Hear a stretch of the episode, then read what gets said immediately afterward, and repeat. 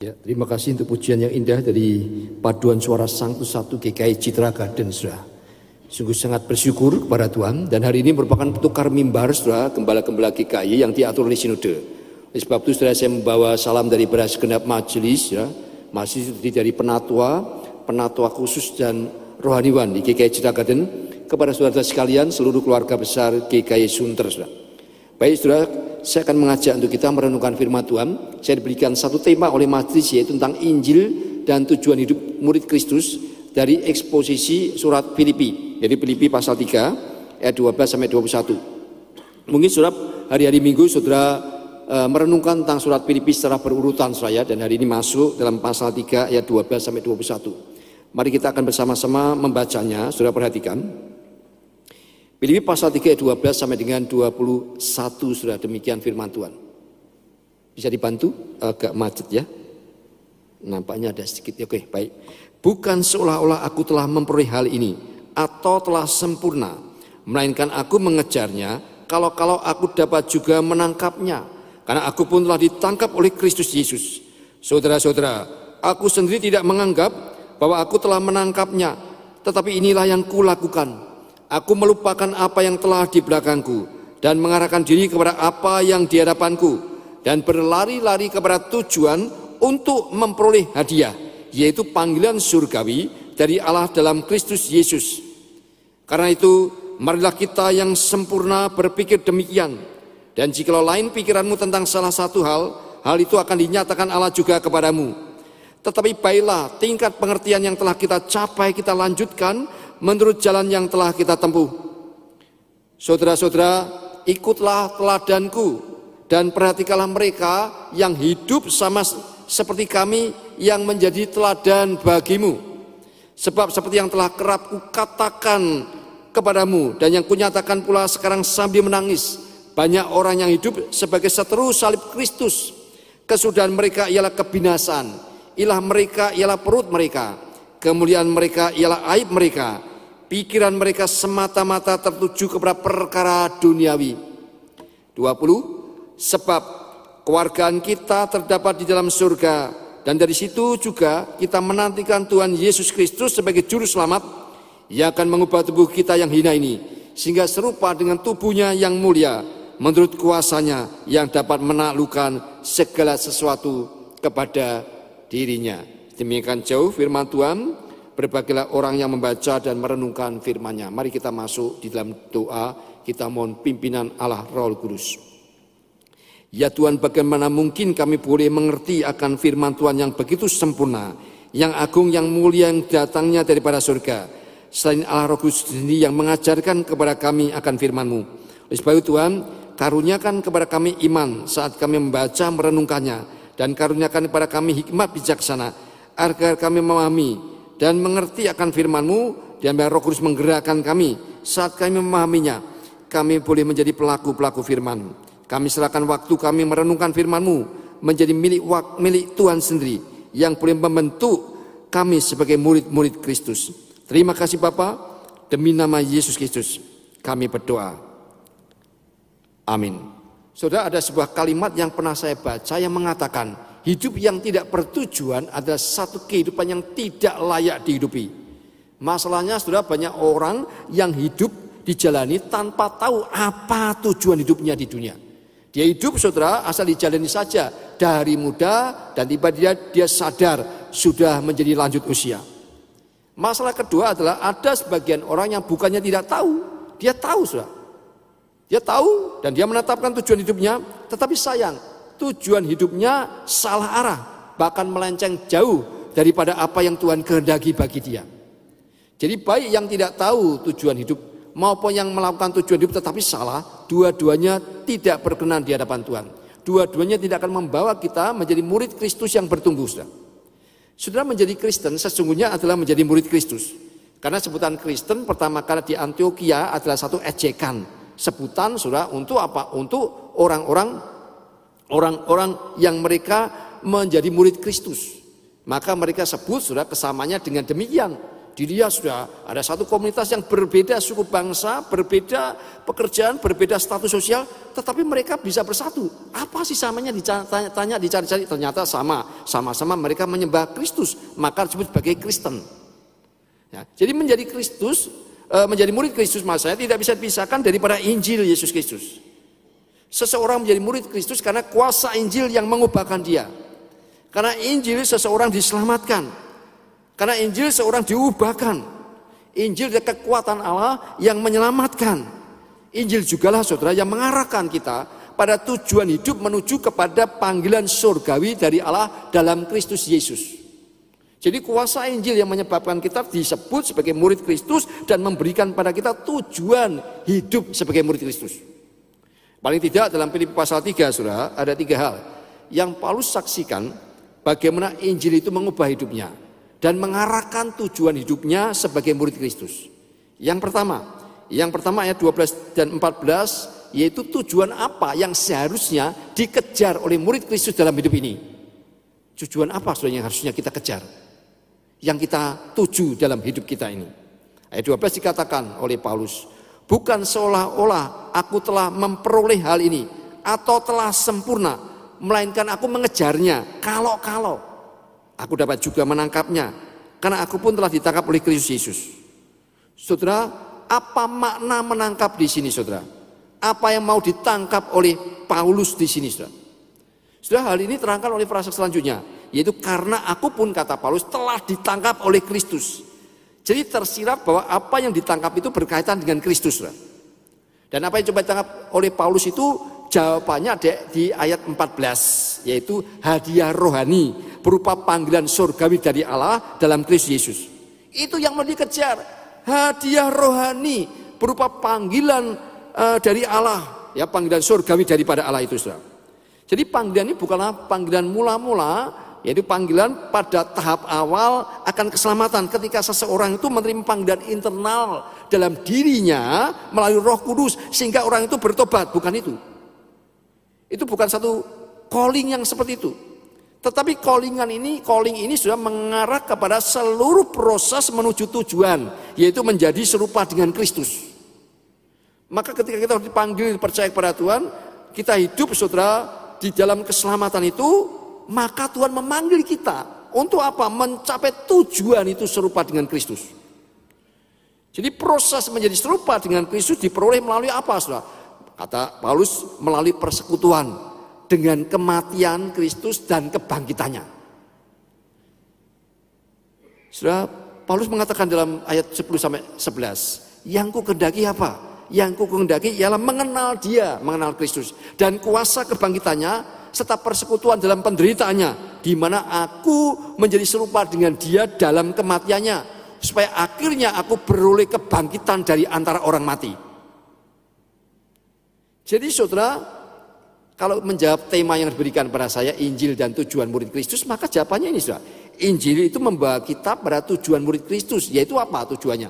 Menjadi serupa dengan Kristus melalui apa sarananya? Melalui persekutuan dengan kematian Kristus dan kebangkitannya.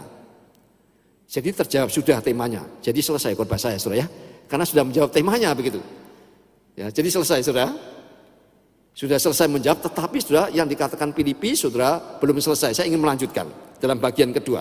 Kalau kita tahu saudara bahwa tujuan kita sebagai murid Kristus adalah menjadi serupa dengan Kristus dan sarannya nah adalah e, berbagian di dalam kematian dan kebangkitannya. Lalu yang pertanyaannya apa yang diperlukan oleh murid Kristus supaya kita sampai pada tujuan tersebut? Kalau hanya tahu saja, tetapi kita tidak menuju ke sana, tidak sampai ke sana, itu satu hal yang Nothing, sesuatu yang sia-sia. Kalau kita sudah tahu, maka kita perlu tahu juga apa yang kita perlukan supaya kita sampai kepada tujuan tersebut. Saudara, maka saudara, pertanyaan sekarang itu apa ya yang saya perlukan ya? Supaya saya bisa sampai pada tujuan yang tetapkan Tuhan itu sebagai murid Yesus. Maka Paulus mengajarkan dua hal yang penting. Yang pertama apa saudara? Sebagai murid Yesus jangan pernah menganggap diri sudah mencapainya. Ya, Paulus menegaskan dalam ayat 20, 12a dikatakan bukan seolah-olah aku telah memperoleh hal ini atau telah sempurna dan dilanjutkan ayat 13a aku sendiri tidak menganggap bahwa aku telah menangkapnya. Saudara siapakah Rasul Paulus? Rasul Paulus adalah rasul yang paling besar. Dia paling terakhir tetapi justru sudah yang terakhirlah yang terbesar. Karena dia menulis hampir separuh daripada seluruh perjanjian baru. Dan kita tahu bagaimana saudara sampai akhir hidupnya dia begitu setia kepada Tuhan bahkan dia mati martir. Ya, dengan mati di penggal saudara. Demi apa? Demi Injil. Kalau kita melihat tulisan-tulisannya betapa luar biasa pelanannya, betapa dia dipakai Tuhan saudara. Sehingga Injil itu bisa sampai kepada orang-orang di luar orang Yahudi. Bahkan sampai kepada kita, sampai ke ujung dunia.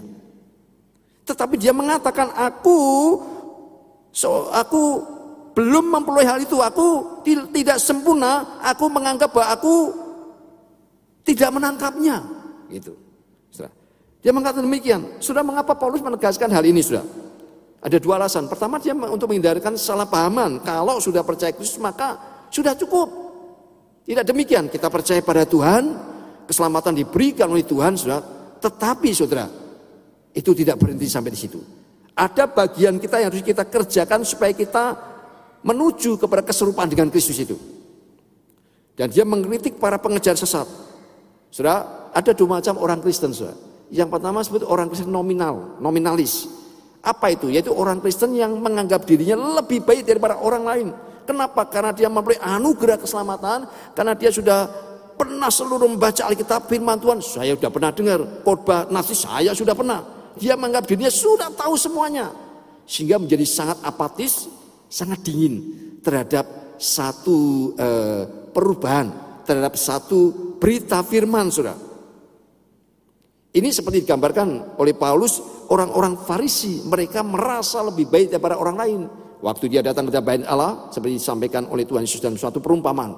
Orang Farisi itu dia datang kepada Tuhan mengatakan terima kasih Tuhan, saya bersyukur saya tidak sama seperti pungut cukai itu yang ini ini ini, saya ini saya saya lebih baik dari dia, saya ini ini itu gitu. Menghormati orang tua, dia tidak berzina, tidak membunuh, tidak mencuri, tidak menginginkan milik samanya, Seluruh hukum hukum Taurat dia sampaikan tidak seperti dia. Dia menganggap dirinya lebih baik. Dia menganggap dirinya sudah sempurna. Dia menganggap dirinya sudah menangkap semuanya. Itu adalah orang Kristen nominalis. Menganggap sudah tahu semuanya dan tidak mau dengan hati belajar terus firman. Itu yang pertama. Yang kedua, orang Kristen nervous. Yaitu orang Kristen yang senantiasa cemas kalau kalau saya belum diselamatkan. Dia cemas loh. Maka menghadapi dua macam inilah maka William Perskin dia menuliskan satu William Perskin sudah dia menuliskan satu buku yang sangat baik sekali yaitu tentang keyakinan ya untuk pertobatan. Yang pertama untuk disebut orang yang dingin kita perlu menghangatkan dia. Yang kedua orang yang nervous, orang yang panas kita ya itu eh, yang pertama orang yang dingin kita perlu menghangatkan dia. Yang kedua adalah orang yang panas kita perlu mendinginkan dia. Dengan apa? Yang pertama dibutuhkan bagi orang-orang Kristen nominalis adalah saudara yang dibutuhkan adalah uh, true uh, conversion, pertobatan sejati. Dan yang kedua, orang Kristen nervous yang dibutuhkan adalah assurance, keyakinan yang teguh di dalam Tuhan. Saudara kita termasuk yang mana saudara? Kedua-duanya adalah tidak sesuai dengan Alkitab. Kedua-duanya adalah bukan murid Kristus yang menuju kepada tujuan yang diberikan Tuhan dalam kehidupan kita. Maka saudara di sini kita melihat saudara, kita jangan menjadi orang Kristen yang menganggap diri sudah mencapainya, atau kita menjadi orang yang nervous, yang senantiasa cemas, khawatir, saudara, yang hidupnya tidak bertumbuh oleh karena selalu cemas, khawatir. Saya sedang membimbing seorang yang dia termasuk adalah seorang bintang, saudara, ya. seorang bintang film, gitu ya, bukan bintang film, dia termasuk artis, tetapi mungkin yang akan di launching ya uh, filmnya itu pada akhir bulan ini. Dia selalu merasa, saudara, cemas. Dia selalu merasa dia sudah menghujat Tuhan Yesus. Maka saya pelajari tulisan akan William Borkin itu di tengah-tengah pengembalaan saya. Untuk mencoba menolong dia melalui apa yang sudah dikerjakan Allah melalui William Borkin itu adalah merupakan satu uh, uh, apa kaum puritan hamba Tuhan puritan yang sangat diberkati dan urapi Tuhan. Ada lebih banyak orang yang hidup seperti demikian. Dia tidak punya satu keyakinan sungguh-sungguh. Maka dibutuhkan adalah assurance, keyakinan teguh. Yang pertama, saudara, kita jangan menjadi orang seperti itu kalau kita ingin saudara, menjadi murid Kristus yang bertumbuh. Yang kedua, yang kedua, murid Kristus harus terus berusaha sekeras dan serajin mungkin untuk lebih maju. Saudara, Paulus mengatakan di dalam ayat 12b dan 14a dikatakan, melainkan aku mengejarnya. Ayat 14 berlari-lari kepada tujuan. So, kata kerja mengejar, kata kerja berlari-lari itu menggambarkan satu semangat, satu kerja keras. Artinya setelah mulai keselamatan kita tidak cukup, sudah cukup. Sudah aku, yang penting sudah selamat. Begitu. Tetapi tidak melakukan apa-apa untuk bertumbuh menjadi murid Kristus, tidak menjadi garam, tidak menjadi terang, tidak menjadi berkat di tengah dunia ini. Jadi ketika dia berkat di Tuhan, berhenti berkatnya untuk diri sendiri sendiri. Tidak menjadi saluran berkat daripada Tuhan kepada akan dunia ini, saudara. Saudara, maka saudara mengakui kekurangan, mengakui kelemahan sendiri itu sudah penting meski tidak mudah bagi kebanyakan orang ya. Kalau orang yang egonya tinggi dia susah sekali untuk menerima masukan, apalagi kritikan saudara, dia susah menerima kekurangan dan kelemahan diri sendiri. Tidak cukup hanya sudah sekedar kita menerima kekurangan dan kelemahan sendiri. Tetapi berusaha menjadi lebih baik itu jauh lebih penting sudah. Tidak sedikit orang yang hanya berhenti pada pengakuan terhadap kelemahan sendiri. Mereka mengaku dia lemah, mereka mengaku dia kurang, dan mereka bahkan jadikan kelemahan itu sebagai alasan untuk tetap seadanya dan menuntut orang lain untuk menerima mereka apa adanya dengan kelemahannya itu. Saya kasih contoh, ada orang yang selalu telatan bukan teladan. Ya, dia tidak bisa menjadi teladan karena dia telatan. Ya, bahasa Jawa itu telatan itu terlalu terlambat, ya, gitu ya. Jadi tidak bisa jadi teladan mirip ya, satu pakai D, satu pakai T gitu. Ya, saudara. Dia selalu terlambat, saudara. Apa terlambat? Jam 7 kepagian oke okay, diundur jam 8 tetap terlambat. Mau diundur jam berapa pun terlambat. Bukan cuma ibadah, tapi setiap kali saudara. Untuk pertemuan bahkan dalam ibadah-ibadah penting, ibadah kedukaan sudah mau, sudah sudah mau, mau dimasukkan di kremasi, tidak datang-datang. Dan cuma bukan sekali, terus pada waktu selanjutnya pun dek itu terus sudah. Ya, di sini nggak ada, sudah ya, hamba-hamba di sini baik sekali. Ya di gereja kami juga tidak ada sampai gitu. Ya. Selalu terlambat, sudah. Dan dia mengatakan satu kelemahan saya, saya memang lemah, lemah saya itu selalu terlambat. Jadi tolong maklumi, maklumilah saya memang terlambat. Jadi kalau janjian sama saya tolong jamnya dimundurin gitu ya supaya tidak terlambat. Itu artinya, sudah artinya adalah berhenti pada mengakui kelemahan sendiri tetapi tidak berusaha lebih baik. Padahal harus tinggal diatur waktunya. Mungkin tidak terlalu banyak yang lain-lain kerjakan sudah langsung bisa berangkat melakukan itu sudah. Karena ketika kita terlambat kita sedang apa? Mempermainkan waktu orang lain. Kita tidak menghargai waktu orang lain sudah. Sudah. Sudah. Paulus mengatakan Jangan seperti itu, saudara. Paulus sangat menentang hal ini. Dia sadari bahwa pertumbuhan rohani tidak terjadi dalam satu dua hari. Apalagi tanpa diupayakan sungguh-sungguh. Keselamatan pemberian cuma-cuma, tetapi pertumbuhan itu perlu diupayakan. Ya. Pertumbuhan rohani ini membutuhkan disiplin rohani yang konsisten dan bukannya konsisten tapi persisten. Apa sih bedanya? Konsisten itu stabil. Kayak seperti jam. Jam itu selalu berdetik tiap satu detik saya. Terus terus tidak peduli apa pun terus dia. Karena tidak ada halangan kecuali baterainya mati, habis gitu ya baterainya. Itu namanya konsisten stabil terus. Kalau persisten beda, persisten itu banyak halangan, banyak rintangan, tapi terus maju. Itu persisten. Untuk bertumbuh kita perlu bukan hanya konsisten tapi juga persisten. Baca Alkitab sudah. Pada waktu lancar, gampang. Tapi pada waktu banyak masalah, banyak kesibukan, mulai kita bolong bolong untuk membaca Alkitab tiap hari. Kita pergi, dah besok deh, besok. Besoknya masih ada besok. Lama-lama numpuk, numpuk, aduh, terlalu banyak. Yang terakhir saja dibaca, akhirnya bolong. Kalau persisten susah, sulit atau apa pun, buat tetap. Itu namanya persisten, saudara. Untuk bertumbuh menjadi murid Kristus yang semakin serupa Kristus, kita perlu persistensi itu. Sama seperti seorang atlet, tidak mungkin dia mendapatkan mahkota hadiah jika tidak tidak berlomba dengan sungguh-sungguh Demikian pula kita tidak akan bertumbuh jikalau kita tidak sungguh-sungguh mengikut Tuhan sebagai murid Kristus.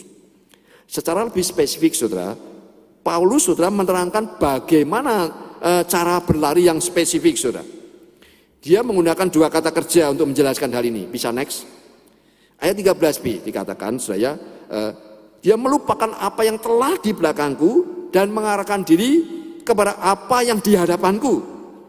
Saudara, dua-duanya penting. Dua-duanya sudah diambil dari metafora perlombaan lari sudah. Sudah dalam perlombaan lari sangat penting untuk apa? Untuk tidak usah menengok ke belakang, sudah. Untuk apa? Mengecek jarak kita dengan pelari di belakang kita. Kenapa? Karena kalau kita menoleh belakang itu akan mengurangi kecepatan kita. Dan kalau kita menoleh ke belakang waktu kita lari kencang, itu bisa membuat kita kehilangan keseimbangan dan akhirnya jatuh. Jadi tidak perlu kita menoleh ke belakang. Demikian pula dalam perjalanan rohani, kita tidak perlu kita perlu melupakan apa yang telah di belakang. Apa artinya itu? Melupakan tidak berarti kemudian kita tidak bisa lagi mengingat-ingat masa lalu. Kalau itu namanya demensia, ya. Ya, namanya demensia. Hilang ingatan, bukan itu. Kenapa? Karena Paulus sendiri masih mengingat akan masa lalunya dengan jelas di ayat 4 sampai 6 dia tahu siapa dia di dulunya. Dia mengatakan jika orang lain menyangka dapat menaruh percaya pada hal lahiriah, aku lebih lagi disunat pada hari ke-8 dari bangsa Israel, dari suku Benyamin. Suku Benyamin suku yang tidak pernah menyangkali Daud, dia terus Saudara menjadi pengikut Tuhan sudah. Orang Ibani asli tentang pendirian terhadap hukum Taurat, aku orang Farisi. Tentang kegiatan aku penganiaya jemaat, tentang kebenaran mentaati hukum Taurat, aku tidak bercacat. Dia masih ingat dia siapa dulu. Tetapi semuanya itu bagi Paulus ketika sudah sudah mengenal Tuhan. Ketika Injil Kristus datang kepada dia, semua itu sampah bagi dia. Semua kebanggaan itu sampah.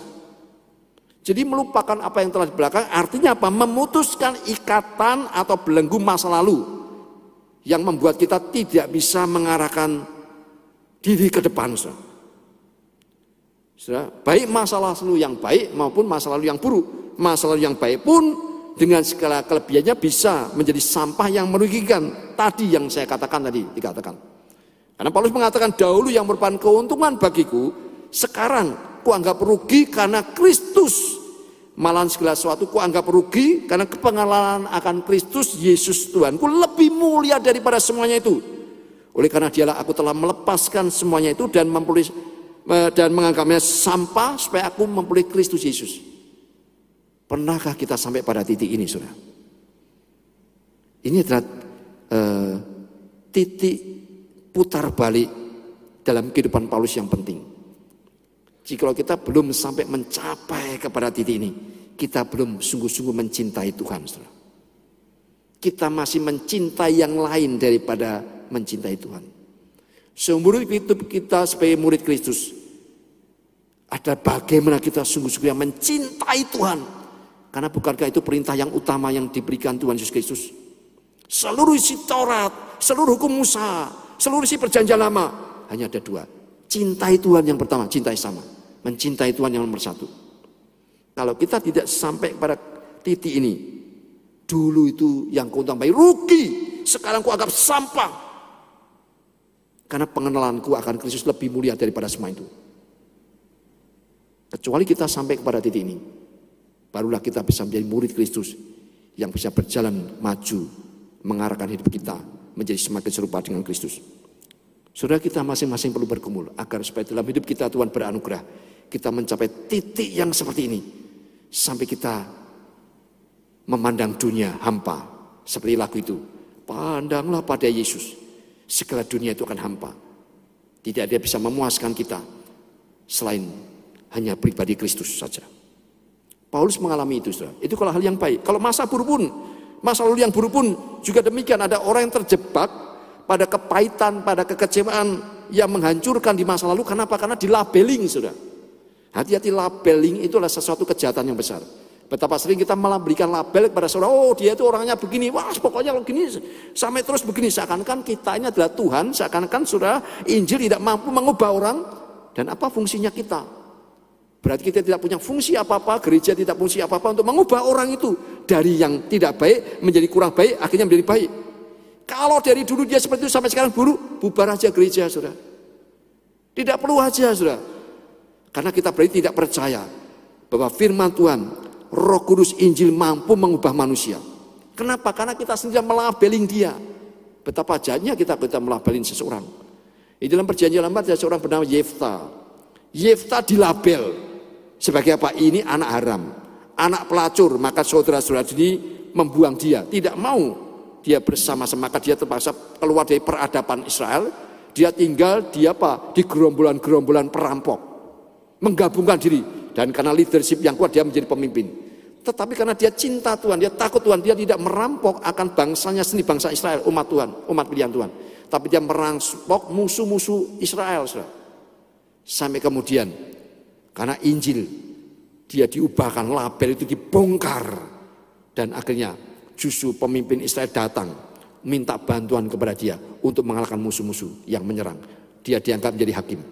Sebelum ada raja-raja, itu Yefta. Paulus pun saudara, dia mengalami labeling itu. Di dalam 1 Timotius 1 ayat 13 saudara, dia disebut sebagai penghujat, penganiaya orang ganas. Maka waktu dia di Barnabas berkumpul dengan murid-murid, para rasul dan murid-murid, oh ini dia, ini dia si penghujat, si penganiaya jemaat orang ganas dijauhi saudara. Dicurigai, ditolak. Kenapa? Karena dilabeling. Tetapi Injil mengubah Paulus. Sehingga dia yang dulunya pengganas, penghujat, penganiaya. Dia rela dihujat, dia rela dianiaya demi Injil Yesus Kristus. Menjadi rasul yang mengabarkan Injil sampai ke ujung bumi. Yaitu Roma pada masa itu. Sudah intinya apa pun masa lalu kita, kita tidak boleh masa lalu itu mendefinisikan kita. Dan kita belajar untuk tidak melabelin orang. Saudara tidak membelenggu orang dengan masa lalunya. Saudara, di samping melupakan apa yang di belakang, baik itu hal yang baik maupun buruk. Kita juga harus mengarahkan diri kita kepada apa yang di depan kita. Kata mengarahkan diri itu secara hurufiah itu merentangkan, merentangkan begini saja, mengulurkan tubuh ke depan. Sudah tahu kalau dalam perlombaan atletik lari, sebelum masuk finish saudara, maka pelari itu akan merentangkan tubuhnya ke depan. Supaya apa? Supaya sebagian tubuhnya bisa masuk garis finish lebih dulu dan dia menang. Ini yang dipakai di dalam kata mengarahkan diri. Mendorong tubuh untuk sampai kepada garis akhir. Sudah penting bagi kita untuk selalu melihat ke depan. Dan melakukan apa pun untuk segera sampai kepada tujuan. Untuk itu mungkin kita dituntut untuk berani keluar daripada zona nyaman kita. Atau mungkin kita harus melangkah ekstra mile, saudara. Tambah usaha. Kalau tidak ada kemajuan jangan salahkan keadaan. Tetapi berlarilah lebih kencang. Rentangkan badan, terus maju. Fokus ke depan. Yang ketiga, saudara. Yang ketiga, murid Kristus harus memiliki tujuan dengan perspektif sampai kepada kekalan. Saudara. Kita baca ayat 17, dikatakan saudara-saudara ikutilah teladanku dan perhatikan mereka yang hidup sama seperti kami yang menjadi teladan bagimu. Mengapa Paulus meminta saudara jemaat untuk meneladani dia dan meneladani mereka yang hidup sama seperti dia? Bukan berarti saudara Paulus menyombongkan diri, tidak saudara. Bukan itu saudara. Tapi kenapa alasannya? Ada dua alasan. Yang pertama itu dimulai dengan kata sebab dua-duanya. Yang pertama negatif, kedua positif. Yang negatif ayat 18 sampai 19. Sebab seperti yang telah kerap kali ku katakan kepadamu dan yang kunyatakan pula sekarang sambil menangis. Padahal surat Filipi itu surat sukacita, tetapi di sini dikatakan menangis. Kenapa? Karena banyak orang yang hidup sebagai seteru salib Kristus. Kesudahan mereka ialah kebinasaan, ilah mereka ialah perut mereka, kemuliaan mereka ialah aib mereka, pikiran mereka semata-mata tertuju kepada perkara duniawi. Paulus mengatakan, kenapa harus mengikut teladan Paulus dan orang-orang hidup seperti Paulus? Karena banyak orang hidup sebagai seteru salib Kristus, jangan tiru mereka. Jangan ditiru, tapi tirulah Paulus. Nah sekarang alasan positif dari negatif ke positif. Positif ayat 20. Sebab keluarga negaraan kita berdapat di surga dan dari situ juga kita menantikan Tuhan Yesus Kristus sebagai juru selamat.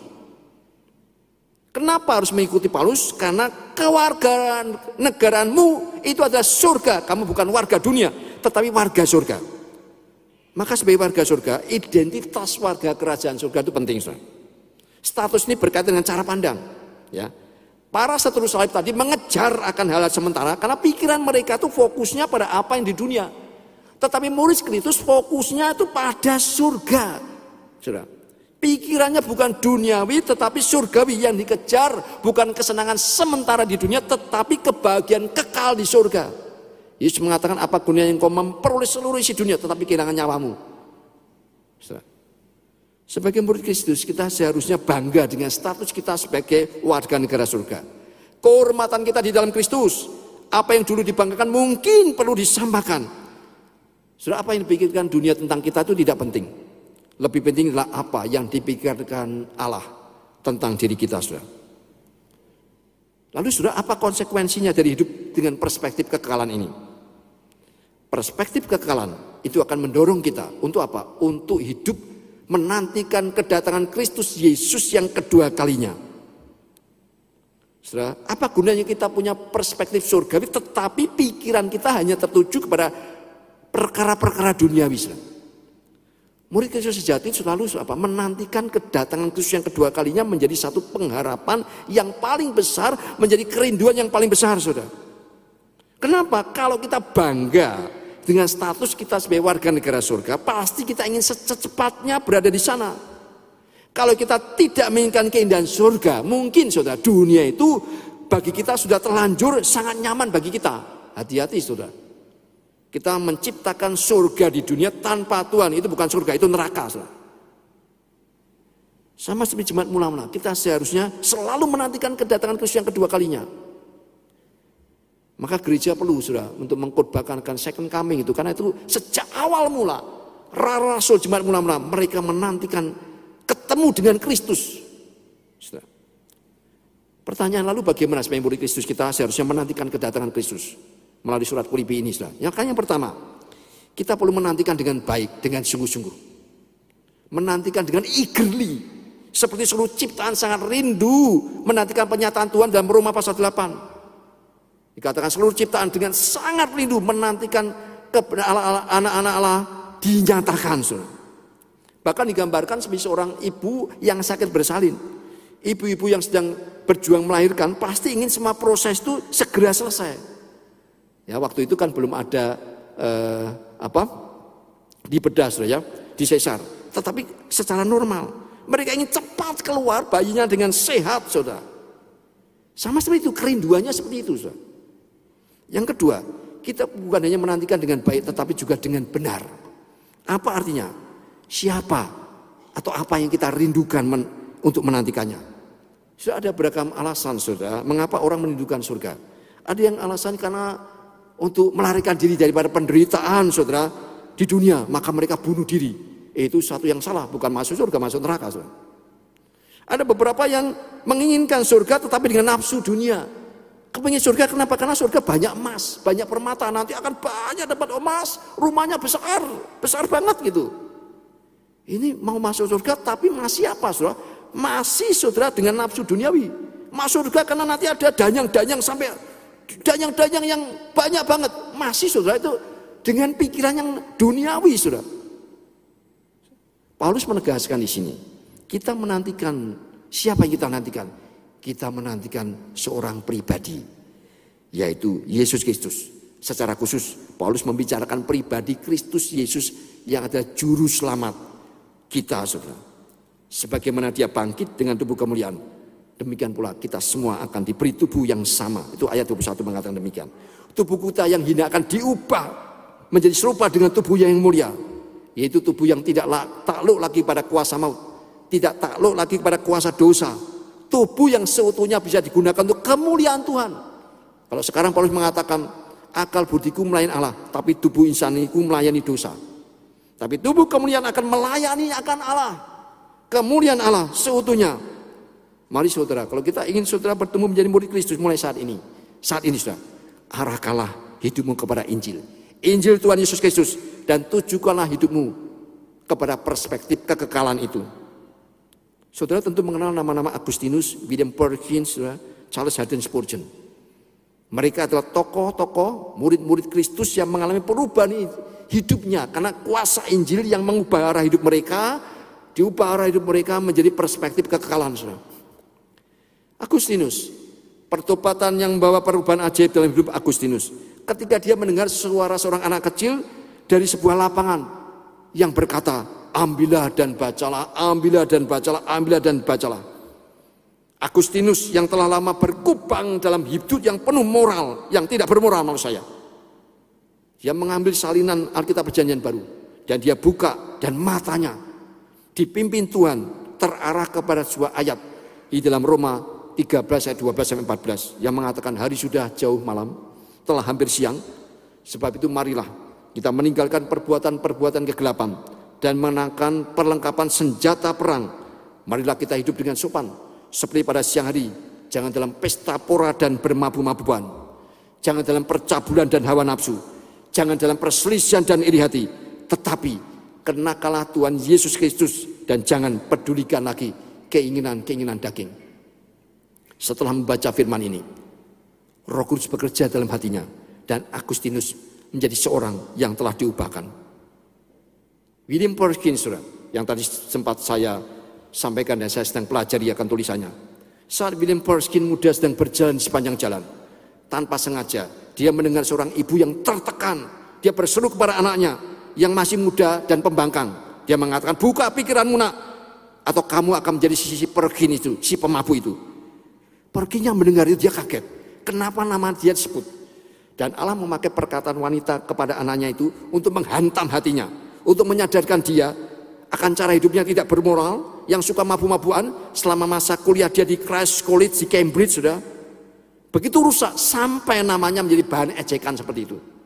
Dan Allah meyakinkan dia akan dosa-dosanya dan memberi dia perspektif kekekalan saat dia berpaling kepada Kristus.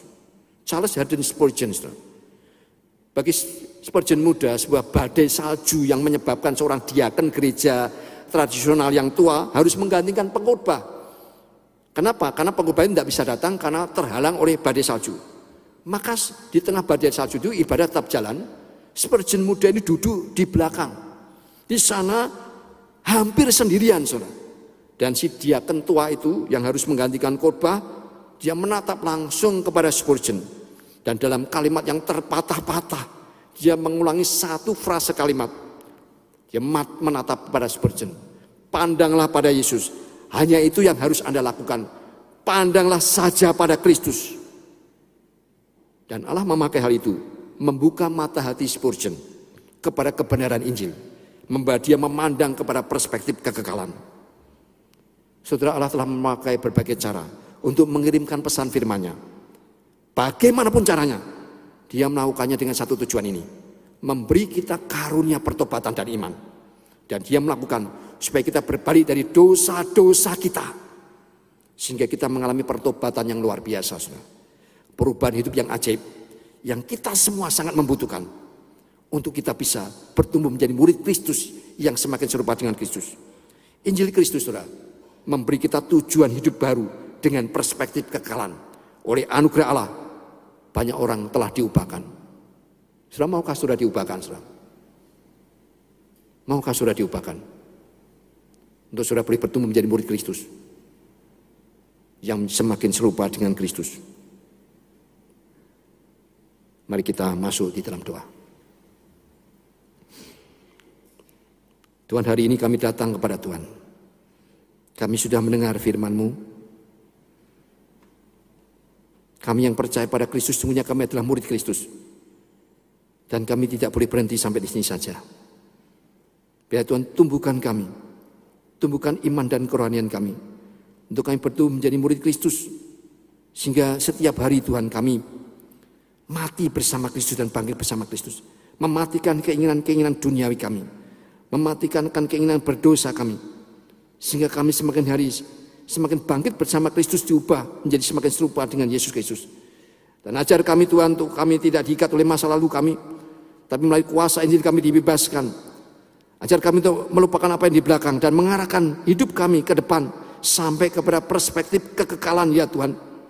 Kami rindu Tuhan Engkau memberkatikan jemaatmu, jemaat GKI Sunter ini. Menjadi murid-murid Kristus yang mengarahkan hidup mereka pada tujuan sampai kepada kekekalan. Sehingga mereka boleh semakin hari semakin serupa dengan Kristus Yesus. Mampukan mereka bertumbuh di dalam firman-Mu.